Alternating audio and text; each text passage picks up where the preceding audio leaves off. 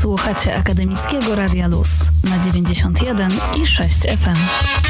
Świąteczny dzień dobry, drogie słuchaczki i drodzy słuchacze, tu Michał Sałkowski. Na początek garść informacji. Mamy nowe obostrzenia. Zajęcia na publicznych uczelniach wyższych we Wrocławiu są zawieszone co najmniej do końca kwietnia. W szkołach do 26 kwietnia, zaś egzaminy ósmoklasisty i matury przełożone na drugą połowę czerwca. Władze wielu szczebli apelują o zaniechanie wyjazdów w różne rejony Polski na święta. Liczba uczestników mszy jest ograniczona do pięciu, zaś od przyszłego czwartku wchodzi w życie obowiązek noszenia maseczek w przestrzeni publicznej. W takim zdalnym i okrojonym trybie przychodzi nam funkcjonować i świętować przez najbliższe dni i tygodnie. Cały czas koronawirus dominuje nad naszymi zachowaniami. Mimo to ekipa reporterów Radia Luz nie przestaje wam udowadniać, że dzieje się. W dobie pandemii zaglądamy dziś za ocean. Klara Zimna rozmawia z Darkiem Drozdem, ratownikiem medycznym i pielęgniarzem jednego ze szpitali w Chicago. O przedziałach sprzętu, codziennym kontakcie z zakażonymi koronawirusem, o restrykcjach tamtejszych władz i zachowaniu miejscowych studentów. Wracamy też na polski grunt, do wątku pomocy studentów Politechniki Wrocławskiej, którzy tworzą przyłbice dla lekarzy w szpitalach. Ile sprzętu udało się wyprodukować, jak to się robi, jaką ma trwałość i ile kosztuje.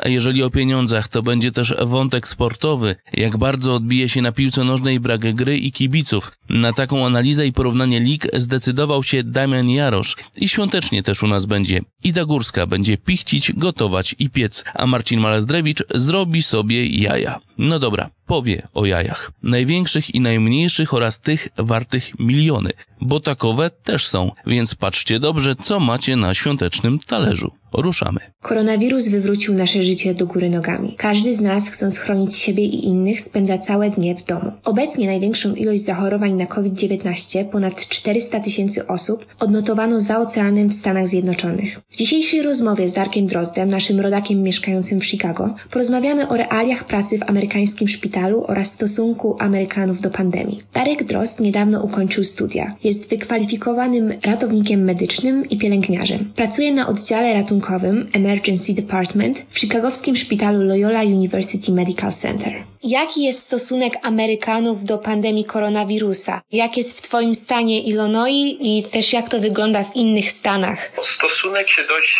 dość szybko zmienia. Wiele czasu stosunek Amerykanów w ogóle tutaj w Chicago i w innych miejscach w Stanach był taki, że ludzie myśleli, że to jest taki żart, że to nie może być coś strasznie poważnego, że to będzie izolowane. Mi się wydaje, że to było przez to, że były przypadki w ostatnim ileś latach nie różnych takich e, chorób w innych krajach, które e, się udało zaizolować i nigdy tutaj nie przyszły do Stanach, nie rozprzeszerzyły się do innych krajów i teraz jak ten wirus wyszedł w Chinach, mi się wydaje, że ludzie tak samo myśleli, że to po prostu tak zostanie, nie będzie ich na co dzień efektowało, że ich rodziny nie będą zagrożone i takie rzeczy, a faktycznie niestety się to dość poważnie rozprowadziło. No z dnia na dzień jest coraz więcej tych przypadków. Amerykanie się dość, dość boją. W większych miastach jest no, dość poważna sytuacja. W tym momencie z wszystkich naszych numerów pozytywnych to chyba około jedna trzecia ich są w Nowym Jorku, w jednym mieście. Czy Amerykanie, bojąc się o swoje zdrowie, stosują się do obowiązujących już restrykcji? Oczywiście, jeżeli one obowiązują, bo w niektórych stanach chyba jeszcze nie zostały wprowadzone restrykcje takie surowe jak w Illinois czy jak w stanie Nowego Jorku. Tak. Jak to jest w tych stanach, w których obowiązują restrykcje? Wiem, że przynajmniej jeszcze w dwóch stanach gubernator tam nie włożył e, takich restrykcji. To są bardziej takie ordery jakby się, się mówią, żeby stay at home, nie? To powoduje, że na przykład jak wyjdziesz z domu, to policja cię nie zaresztuje, ale naprawdę proszą, żeby ludzie najwięcej jak mogą siedzieli w domu. Sklepy spożywcze, szpitale, takie rzeczy są dalej otwarte. Z tym stay at home na tym polega, że nie jest jeszcze teraz to wszystko w takim stanie, że na przykład jak wyjdziesz z domu, to policja cię będzie pytała, czemu nie jesteś w domu, ale naprawdę proszą w większości stanach, żeby ludzie jak najwięcej siedzieli w domu. Sklepy, szpitale, takie rzeczy oczywiście są jeszcze otwarte. Nie powinno być żadnej takiej paniki, że brakuje jedzenia, bo to wszystko jeszcze jest. Ludzie w większości chciałbym myśleć, że stosują się do tych restrykcji, ale też widzę, że mamy niektóre problemy. Na przykład dwa tygodnie temu, pierwszy dzień takich poważnych restrykcji była taka była sobota. Na następny dzień, w niedzielę, mieliśmy pierwszy taki dzień, gdzie było dość ciepło. Z tego powodu dużo parku, nasze plaże po prostu no, były załadowane ludźmi. Są, są zdjęcia, które można widzieć na internecie, ile tam się zgromadziło ludzi. No i rozumiem, że jest ładnie na polu wreszcie, świeże powietrze. Jest pozwolenie, żeby się iść przejść do parku, ale nie zgromadzenia, gdzie jesteś tak blisko tylu osób. Nasz major tutaj, Lori Lightfoot, tutaj w Chicago, a następny dzień, widząc to, co się działo, zamknęła. Zamknęła niektóre erie, nasze plaże, parki tam w tamtych eriach po prostu, bo ludzie nie mogli obserwować restrykcje odpowiednio. Mi się wydaje, że nasz major tutaj, tak mówię, Lori Lightfoot, nasz gubernator, J.B. Pritzker, dość dobrze się tym wszystkim zajmują. Codziennie dają takie jakby najnowsze informacje. I my byliśmy chyba drugim stanem po Kalifornii, czy po Waszyngtonie, nie pamiętam, co włożył oficjal, oficjalny taki e, stay at home order. Czyli my tutaj w Illinois dość szybko to włożyli i dzięki temu, chociaż nasz numer chory codziennie idzie coraz wyżej, to mamy dość niski numer zmarłych. Mi się wydaje, że im wcześniej stan i wszystko włożyli takie restrykcje, to im lepiej oczywiście, żeby te numery jak najlepiej pomóc. Mhm. Może jeszcze nam coś możesz powiedzieć o tych stanach, które jeszcze nie mają tych restrykcji? Czy tam się toczy takie normalne życie jak u nas wcześniej, przed całą pandemią? Wiesz co, ciężko jest powiedzieć, bo z tego co wiedziałem, były przynajmniej dwa stany, co jeszcze normalnie bary, plaże były otwarte i tamci gubernatorzy mówili, że nie będą zamykać, że nie, nie potrzeba. I ostatnio, co było dużo widać na, na telewizji, jak był spring break i teraz wszystkie ci studenci, co są w college, to na spring break mieli ostatnio, były niektóre college miały podsunięte do przodu, bo teraz już nie ma żadnych klas na miejscu, tylko wszystko jest na internecie, ale mieli ten spring break i tutaj w Ameryce, tak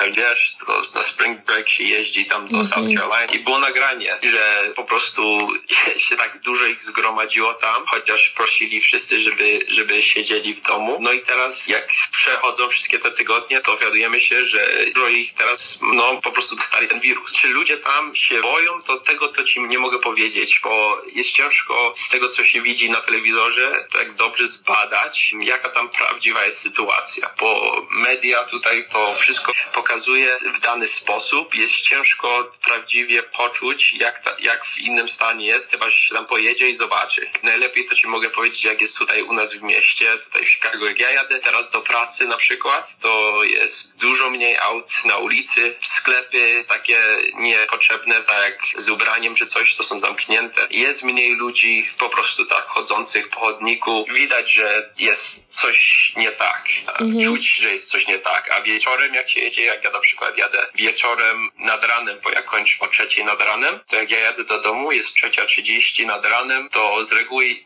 z reguły jest bardzo mało aut na ulicy, nie? A teraz to jest puściutko. Jedynie to się zobaczy policję raz na jakiś czas, a resztę to, to cisza. Teraz jak właśnie mówisz o swojej podróży z pracy, to zapytam Ciebie o miejsce Twojej pracy, o szpital. Czy Twój szpital, czy inne szpitale e, w Stanach, czy one są odpowiednio przygotowane, wyposażone do walki z koronawirusem? Czy ten koronawirus też ich tak zaskoczył jak u nas w Polsce, też w Europie, że brakuje respiratorów, brakuje maseczek, brakuje rękawiczek? Jak jest w Stanach tak, i w Illinois? jest taka, że tak naprawdę jest ciężko powiedzieć, powiedzieć, ponieważ mieliśmy informacje z Chinów, mieliśmy później informacje z Włoszech i oni byli troszeczkę do przodu od nas, jeśli chodzi o ten wirus, o cały ten proces. To my widzieli, co się tam działo i mieliśmy czas analizować, e, jakie rzeczy my mieli i czy nam wystarczy, czy jaka jest sytuacja. I w krótkim czasie wszyscy ci, co się tym zajmują, i chodzi o epidemię,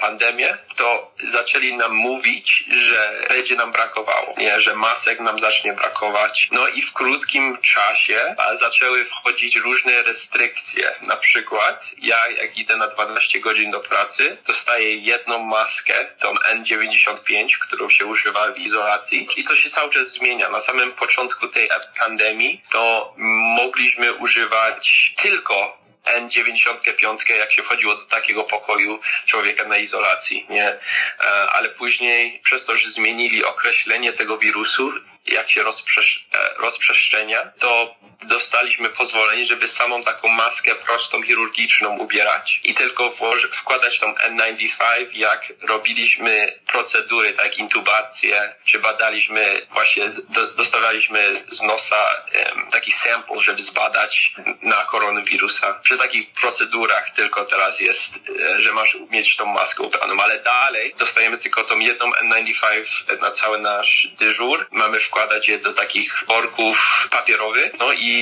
i, po prostu używać przez cały, przez cały dyżur, nie?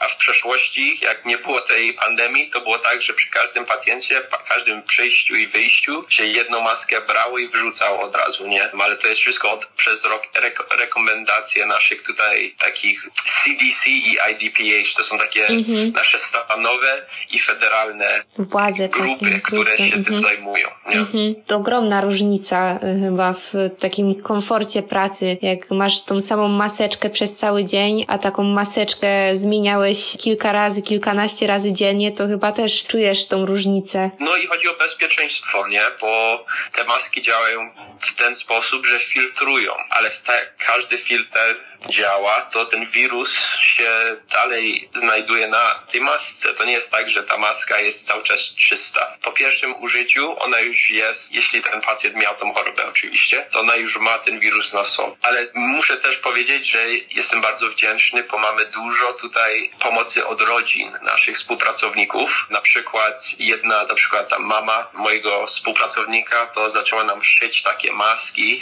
normalnie z fabryki i po prostu nam dawać, nie? Żebyśmy byśmy mogli zakładać na tą jedną maskę, co mamy, e, żeby ją troszeczkę więcej ochronić, żeby była im bardziej bezpieczna i później te maski można prać. Normalnie tak samo ludzie nam szyją takie czapki na głowę w domu po prostu, żeby więcej nam dostarczyć takich rzeczy.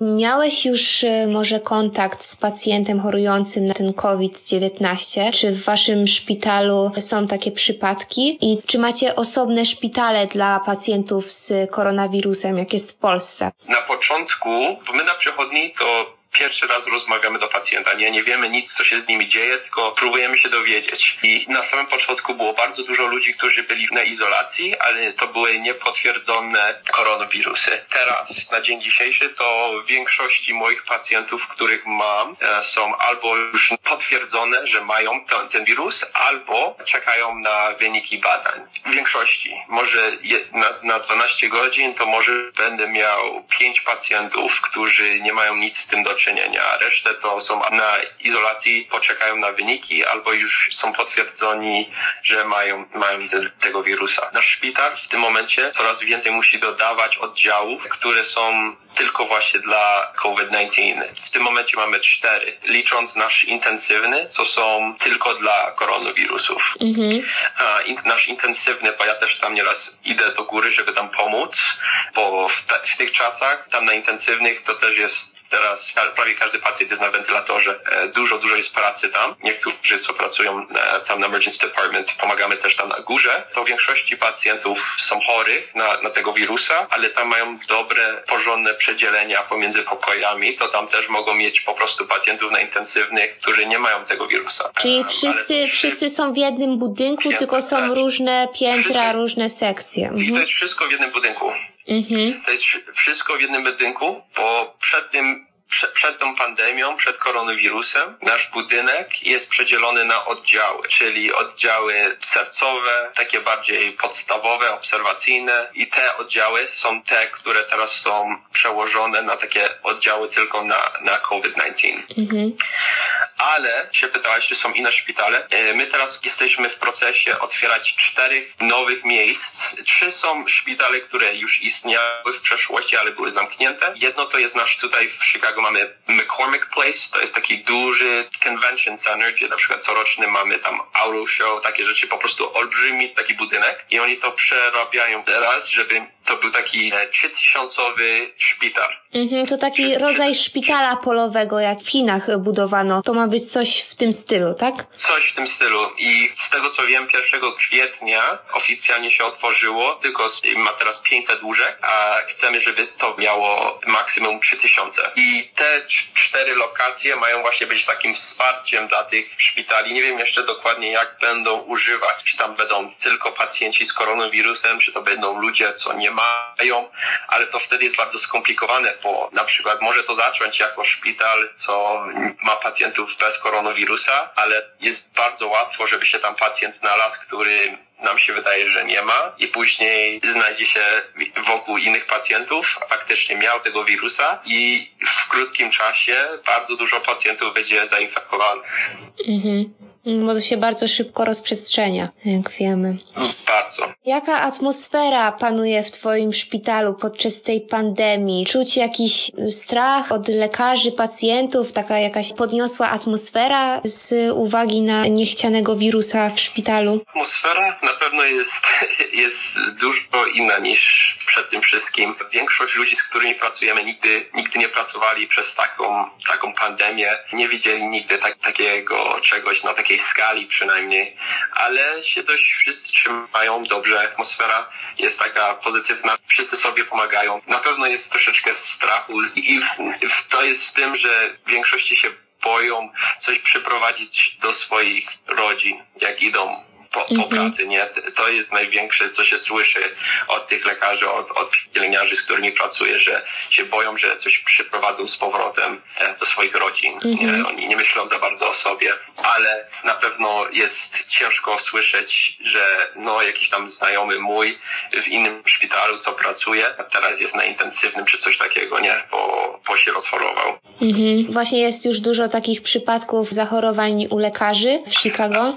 Tak, coraz więcej młodych. I to jest, to jest właśnie to, co jest bardzo dziwne z tym wirusem, że na samym początku była taka rozmowa, że że ten wirus jest najbardziej taki śmiertelny i, i niedobry dla bardzo starych albo bardzo, bardzo młodych, ale ci, co są zdrowi i tak 20, 30, 40 lat czy coś takiego, to nie powinni się przejmować, ale widzimy coraz częściej niestety, że to nie jest tak. Mamy dużo, dużo pacjentów, którzy mają po 40 lat i są na wentylatorze. Każdy wiek jest zagrożony. Więc wszyscy powinniśmy uważać i jak możemy, to powinniśmy zostać w domu. Jedynie co my próbujemy każdego, bo my dalej widzimy pacjentów, co po prostu z dzieckiem boli czy coś i my tylko tak prosimy, żeby e, się kontaktować z lekarzem swoim ogólnym, powiedzieć oficie, co się dzieje. Jeśli naprawdę, naprawdę trzeba, to żeby przyjechać do tego szpitala, ale jak nie trzeba przyjeżdżać, to żeby siedzieć w domu, bo tam jest najbardziej bezpiecznie, nie? W szpitalu to jest jedno z największych zagrożeń tam, żeby się zarazić, nie? Bo tam chorzy są. To tak prosimy, żeby wszyscy obserwowali te restrykcje, żeby jeśli mogą, żeby jak najwięcej siedzieli w domu. Sytuacja na pewno jest, jest, jest taka dziwna, nie? Jest straszna i dziwna po tego, co słyszę nawet już od starszych lekarzy, którzy pracują w medycynie no 40-50 lat niektórzy, to za bardzo nie widzieli nic takiego. To jest coś innego i dlatego tak ostrzeżają i dlatego tak się obawiają, bo nikt dokładnie nie wie, jak to się skończy. Z iloma pacjentami z koronawirusem masz dziennie kontakt? Iloma się zajmujesz? Co mają potwierdzone? Czy mhm, tak, tak, co mają potwierdzone. Hmm, no, powiedzmy na, te, na dzień dzisiejszy, na 12 godzin może widzę 8 pacjentów, coś takiego i, i oczywiście do tego później jest wszystkich tych, co są niepotwierdzoni, ale mamy różne też inne badania, na przykład prześwietlenia płuc, które nam też pomagają, żeby identyfikować tych, którzy najprawdopodobniej mają tego wirusa. To jak się tych, tych, tych osób do liczenia i później oni też w, w czasie będą mieć pozytywny wynik, to, to mhm. teraz w naszych, w naszych salach, teraz jak się wejdzie, to prawie każdy pokój już od samego początku jest w izolacji. Po mhm. prostu na bezpieczeństwo wszystkich i my wolimy kogoś włożyć do izolacji i później się dowiedzieć, że nie, nic nie mają, nic niż później się dwa tygodnie później dowiedzieć, że mieli jednak, nie? Mhm. Czy tydzień później. Chociaż teraz nasze badania są coraz szybsze. Jak się to wszystko zaczęło, tak na poważnie, tak trzy tygodnie temu, miesiąc temu, to czekaliśmy no prawie pięć dni nieraz troszeczkę więcej na wynik, a teraz mamy wynik w ciągu 24 godzin. Wiesz może, ile testów dziennie wykonuje Twój szpital? Te, tego to nie mam żadnego pojęcia, po prostu, po, ale bardzo dużo. Jak ja nie jestem w pracy, nie, to ja się najbardziej obawiam, że dzięki Bogu jestem zdrowy, młody, nie odczuwam e, niczego e, od tego wirusa, ale mogę cały czas go mieć w sobie, powiedzmy. Się boję, że go będę rozprowadzał, dlatego jak ja nie jestem w pracy, to ja próbuję po prostu być cał, całkowicie zamknięty od świata, nie, nie widzę się z nikim, bo po prostu nie chcę, nie chcę się przyczynić, że komuś tego wirusa przekaże. Nie? Prawda jest taka, że na co dzień w pracy się widzę z chorymi i chociaż ja mogę nic nie odczuć, mogę nawet nie wiedzieć. Mogłem już mieć tego wirusa dwa tygodnie temu i nigdy nie będę wiedział, nie? Bo ni nic nigdy nie czułem, nie, nie miałem żadnej gorączki, nic takiego, ale mogłem go mieć w sobie i po prostu mogłem być w takim, w takiej pozycji, żeby przekazać innym. Dlatego jak ja nie jestem w pracy, to siedzę zamknięty w domu i no i po prostu czekam czekam, żeby, żeby to się wszystko tak bardziej rozwiązało, nie? Dla mnie to jest strasznie odziwiające, że jest teraz rok 2020 i po prostu świat był taki nieprzygotowany na coś takiego, nie? Wszyscy zawsze mówią, że Ameryka nie taka mocna, różne te kraje mocne i niestety no po prostu widać, że wszyscy byli nieprzygotowani, po w takim krótkim czasie ten wirus tak się wszędzie znalazł i ludzie nie mogą sobie, kraje nie możemy sobie z tym poradzić, to to jest e, naprawdę coś dziwnego. Co tylko chciałem podziękować na koniec tam wszystkim w Polsce, co działają działają w tej walce e, z koronawirusem. Wszyscy jesteśmy w tym razem. Straż, policja, lekarze, pielęgniarze, wszyscy, co pomagamy w tym celu. Dziękuję, dziękuję za wszystko i, i mam nadzieję, że wszyscy razem będziemy mogli no, po prostu skończyć tą walkę z tym, z tym koronawirusem i, i powrócić do, do normalnego, zdrowego życia. Dziękuję za uwagę. Klara Zimna. Radio Luz 91 i 6 FM. Go ahead. Witajcie, tu Michał Sałkowski. Powiemy teraz o studenckiej pomocy, która nie jeden ma wymiar. Jak już wiecie z Radia Luz, dziesiątki żaków i pracowników Politechniki Wrocławskiej włączyło się w akcję produkcji przyłbic dla personelu wrocławskich szpitali. Wszystko odbywa się w technologii druku 3D i jest całością większej inicjatywy zjednoczonej na Facebooku pod szyldem Przyłbice 3D dla lekarzy Okręg Wrocław. O akcji opowiada Konrad Gruber, opiekun koła naukowego Rapid Troopers, które zaangażowało się w projekt każdy, e, kto posiada jakieś środki techniczne, możliwości, może się do takiej inicjatywy włączyć. I tak samo zrobiliśmy my jako Politechnika Wrocławska i tak samo robi bardzo, bardzo wiele osób z Wrocławia, którzy zajmują się hobbystycznie chociażby drukiem 3D albo mają coś wspólnego z drukiem 3D e, zawodowo. Środki są e, zbierane w tym momencie przez internet poprzez portal zrzutka.pl. Jest tam utworzona specjalna podstrona, na której właśnie można wrzucać jakieś dane na materiały do druku. Natomiast jeżeli chodzi o osoby, które się do tej akcji przyłączyły, e, to tak naprawdę jest to bardzo różnorodna grupa. Są to e, właściciele jakichś małych firm, które posiadają drukarki, czasami są to duże firmy, a w dużej większości są to po prostu hobbyści druku 3D rozsiani po całym Wrocławiu oraz e, nawet województwie dolnośląskim, którzy po prostu w domu taką drukarkę posiadają i postanowili przyłączyć się do tej akcji. Udzielona pomoc idzie w tysiące sztuk. Dostarczono Złożono już około 3,5 tysiąca przyłbic i ta liczba dynamicznie rośnie. Sprzęt powędrował do lekarzy w niemal wszystkich wrocławskich szpitalach. Tak naprawdę można powiedzieć, że do każdej większej jednostki medycznej, do każdego szpitala we Wrocławiu już jakaś część tych przyłbic poszła. Tutaj w grupie facebookowej są też ludzie, którzy zadeklarowali się, że będą takie przyłbice rozwozić. Sami nie posiadają drukarek 3D, ale chcieli wspomóc akcję w inny sposób i oni z miejsc, gdzie te przyłbice są kompletowane i składane, rozwożą już do osób, które zgłosiły zapotrzebowanie. Zazwyczaj to zapotrzebowanie jest zgłaszane na około 30-50 takich przyłbic. Osoba, która gdzieś tam z jakiejś kliniki czy oddziału zgłasza takie zapotrzebowanie, później przekazuje to już wewnątrz. Warto wiedzieć, że oprócz wydruku i przygotowania nowych przyłbic do złożenia, studenci Wydziału Mechanicznego PWR ulepszyli istniejący już model wykonany przez jedną z czeskich firm.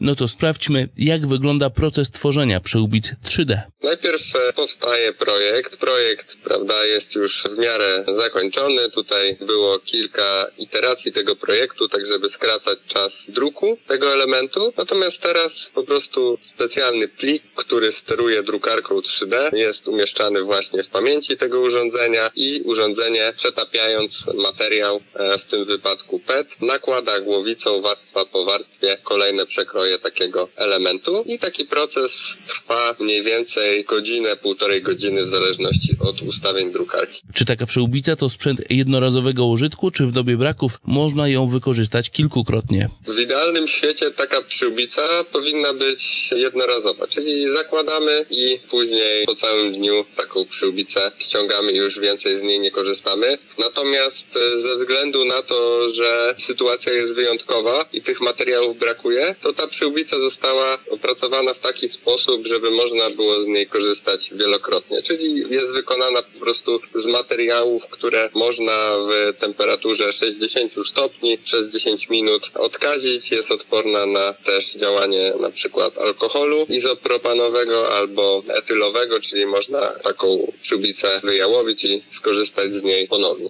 Mówi Konrad Gruber, opiekun koła naukowego Rapid Troopers, które zaangażowało się w projekt tworzenia przyłbic dla personelu szpitali. Zaglądajcie na profil Przyłbice 3D dla lekarzy okręg Wrocław, jeżeli chcecie pomóc w szczytnej i jakże potrzebnej akcji. A dla autorów należą się brawa. Wielkie, mocne brawa. Nie przestawajcie. Radio Luz. Włącz się na 91 i 6 FM. Dzisiaj wyjątkowo zabieram Was nie do swojej biblioteki, a do kuchni, to dosłownie. Gotowanie od zawsze sprawiało mi wielką frajdę, a w odpowiedniej dozie też jest fantastycznym sposobem na relaks.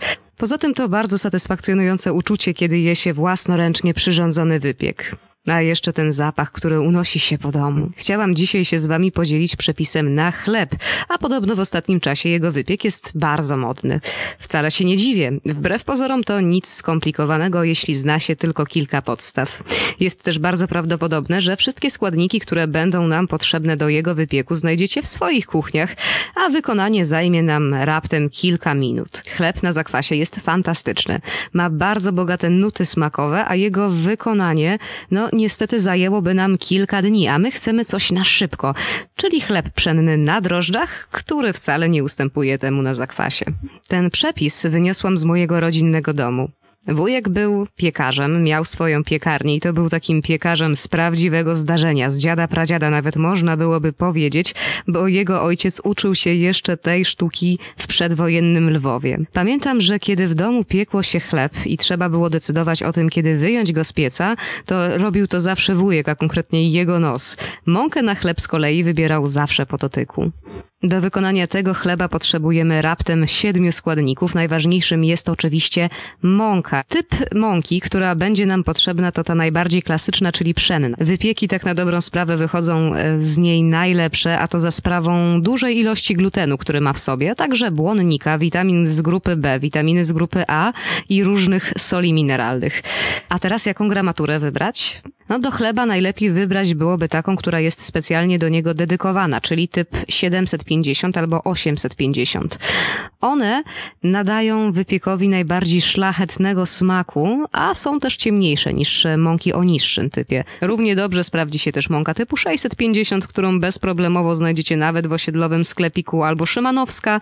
Jeśli uda wam się znaleźć mąkę typu 0, to ona też będzie się nadawać. Pamiętajcie, weźcie kilogram. Do chleba potrzebne będą również dwie łyżeczki soli, 25 gramów masła roztopionego, jedna saszetka suchych drożdży, czyli 7 gramów, albo 15 gramów drożdży świeżych, jedna łyżeczka cukru, 150 ml letniego mleka i 300 ml letniej wody. Zaczynamy od wymieszania mąki z drożdżami. bądź zaczynem, jeśli macie drożdże świeże. Taki zaczyn robi się mniej więcej z dwóch łyżek ciepłej wody i szczypty cukru. W wypadku również zaczynu warto dać popracować tej mieszance drożdży i mąki, tak mniej więcej 20 minut. Potem dodajemy stopniowo resztę składników. Sól, mleko, resztę wody. Pamiętajcie o tym, żeby tłuszcz zawsze dodawać na końcu. W przeciwnym razie ciasto na chleb może nam się mm, trochę rozwarstwić. Taki efekt mniej więcej to daje. Po prostu nie wyjdzie. Ile należy wyrabiać ciasto, zapytacie? E, różnie. Mi to zajmuje mniej więcej 15 minut, wujkowi jakieś 5 albo 6, no chociaż wiadomo, to oczywiście nie jest ten poziom. Ciasto musi być miękkie i elastyczne. Wujek uczył mnie też, w jaki sposób e, trzeba zagniatać to ciasto. Ważne jest tutaj ułożenie rąk. Pamiętajcie, żeby nigdy nie naciskać na nie palcami, w ten sposób tylko je poracie. Róbcie to zawsze jedną ręką, drugą przytrzymując i formując ciasto w kulę. E, głównie skupcie się tutaj na pracy nadgarstka. Zobaczycie, szybko złapiecie i będzie też o wiele prościej. Z wyrobionego ciasta należy uformować kulę, włożyć ją do opruszonej mąką miski, odstawić w ciepłe miejsce, na przykład blisko kaloryfera, przykryć ręcznikiem i czekamy, aż podwoi swoją objętość. Tak mniej więcej półtorej do dwóch godzin. Ciasto po wyrośnięciu trzeba uderzyć pięścią, żeby zbić z niego powietrze, potem znowu lekko wyrobić, uformować w ten kształt, który już chcemy mieć finalnie chleb, czyli okrągły albo podłużny owal, jak wam już tutaj oczywiście pasuje.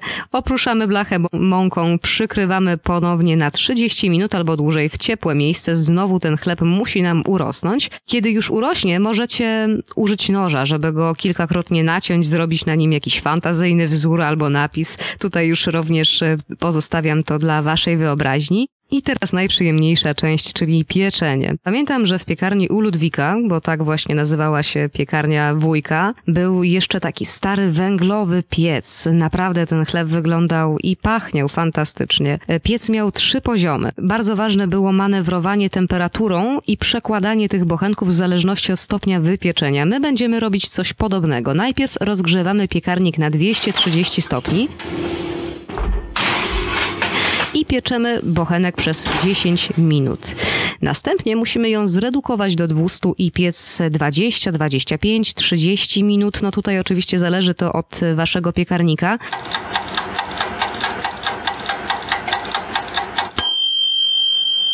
Chleb będzie gotowy, kiedy będzie wyrośnięty, będzie brązowy, w domu będzie pachnieć już niesamowicie. No i bardzo ważny jest też dźwięk, dźwięk jaki chleb wydaje.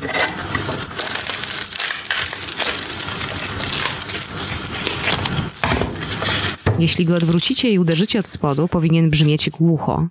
Wtedy ten chleb jest naprawdę dobry. Koniecznie go wystućcie, zanim go zjecie, chociaż będzie kusiło, żeby sięgnąć po niego szybciej. Myślę, że upieczenie takiego chleba jest e, fajną propozycją na przykład na wielkanocny poranek. E, możecie go przygotować wcześniej wieczorem, a rano tylko wrzucić do pieca i cieszyć się niepowtarzalnym smakiem, niepowtarzalnym zapachem i klimatem przede wszystkim domowego chleba. Myślę, że zawsze doda to troszeczkę magii naszej codzienności, a także niecodzienności świąt. Życzę Wam wszystkiego dobrego, dużo zdrowia, spokoju, rodzinnego ciepła. Do usłyszenia.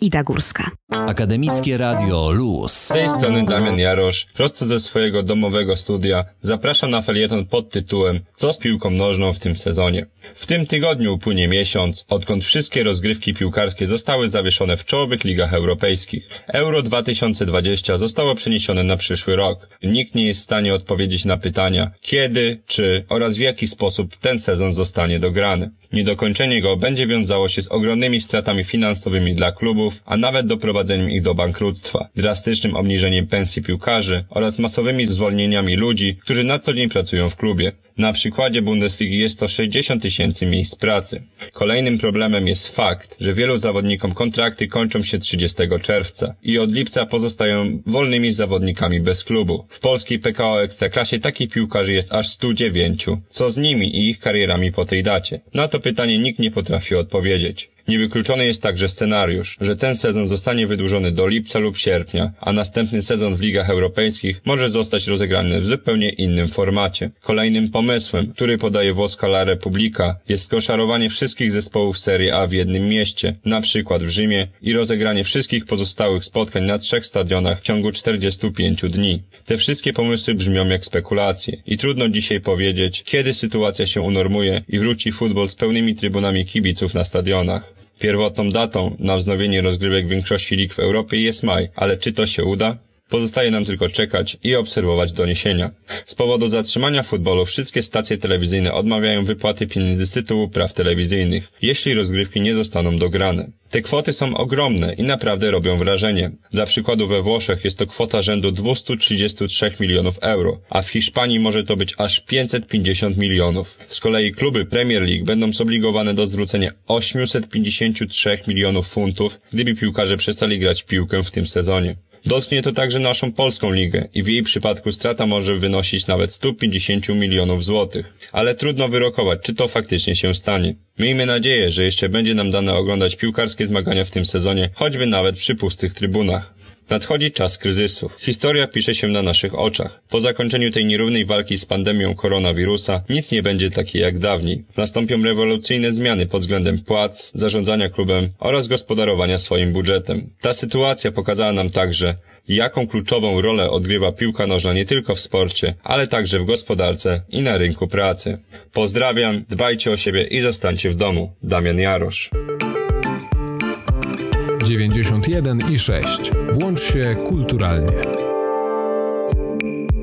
Cześć, tutaj Marcin Malazdrewicz. Jajo bywa nazywane cudem natury. Ale właściwie dlaczego? Ponieważ jest ono efektem kompromisu. Skorupka musi być na tyle gruba, żeby utrzymywać zawartość i nie pękać od każdego pojedynczego stuknięcia, ale zarazem na tyle cienka, żeby piskle w środku mogło oddychać oraz aby mogło ono się wykluć. Przypuszczam, że każdy z nas zastanawiał się kiedyś jak wygląda największe jajko na świecie. No i jaki gatunek jest jego autorem. Na pierwszą myśl przychodzą dinozaury. W końcu były wielkie jajorodne, a więc ich jaja powinny być porównywalnie wielkie, tak? Otóż nie do końca. Ważące około 90 ton tyranozaury składały jaja o wysokości kilkunastu centymetrów. Jedne z największych jajek składały 10-tonowe hipselozaury. Mierzyły one około 30 cm.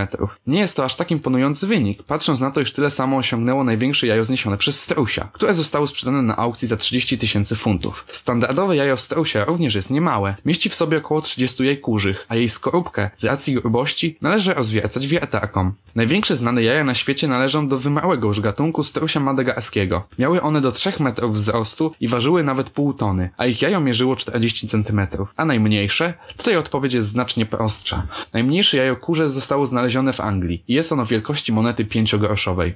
Skoro przerobiliśmy już największe i najmniejsze jajka, to może teraz czas na najdroższe. A jest to oczywiście jedno z jaj Faberże, jajo koronacyjne. Gdyby dziś zostało wystawione na sprzedaż, osiągnęłoby cenę 50 milionów dolarów, co czyniłoby je nie tylko najdroższym jajkiem na świecie, ale również najdroższym dziełem jubilerskim. Z tymi cudami sztuki złotniczej wiąże się jeszcze jedna ciekawa historia. Otóż pewien mężczyzna z USA znalazł jedno z nich na Złote jajo z zegarem w środku. Zapłacił za nie 14 tysięcy dolarów. Pierwotny plan zakładał, aby sprzedać je na złom, ale po poszukiwaniu informacji w internecie mężczyzna zrozumiał, co tak naprawdę kupił. Na koniec wystarczy dodać, że jego wartość została oszacowana na 30 milionów dolarów. Akademickie Radio Luz.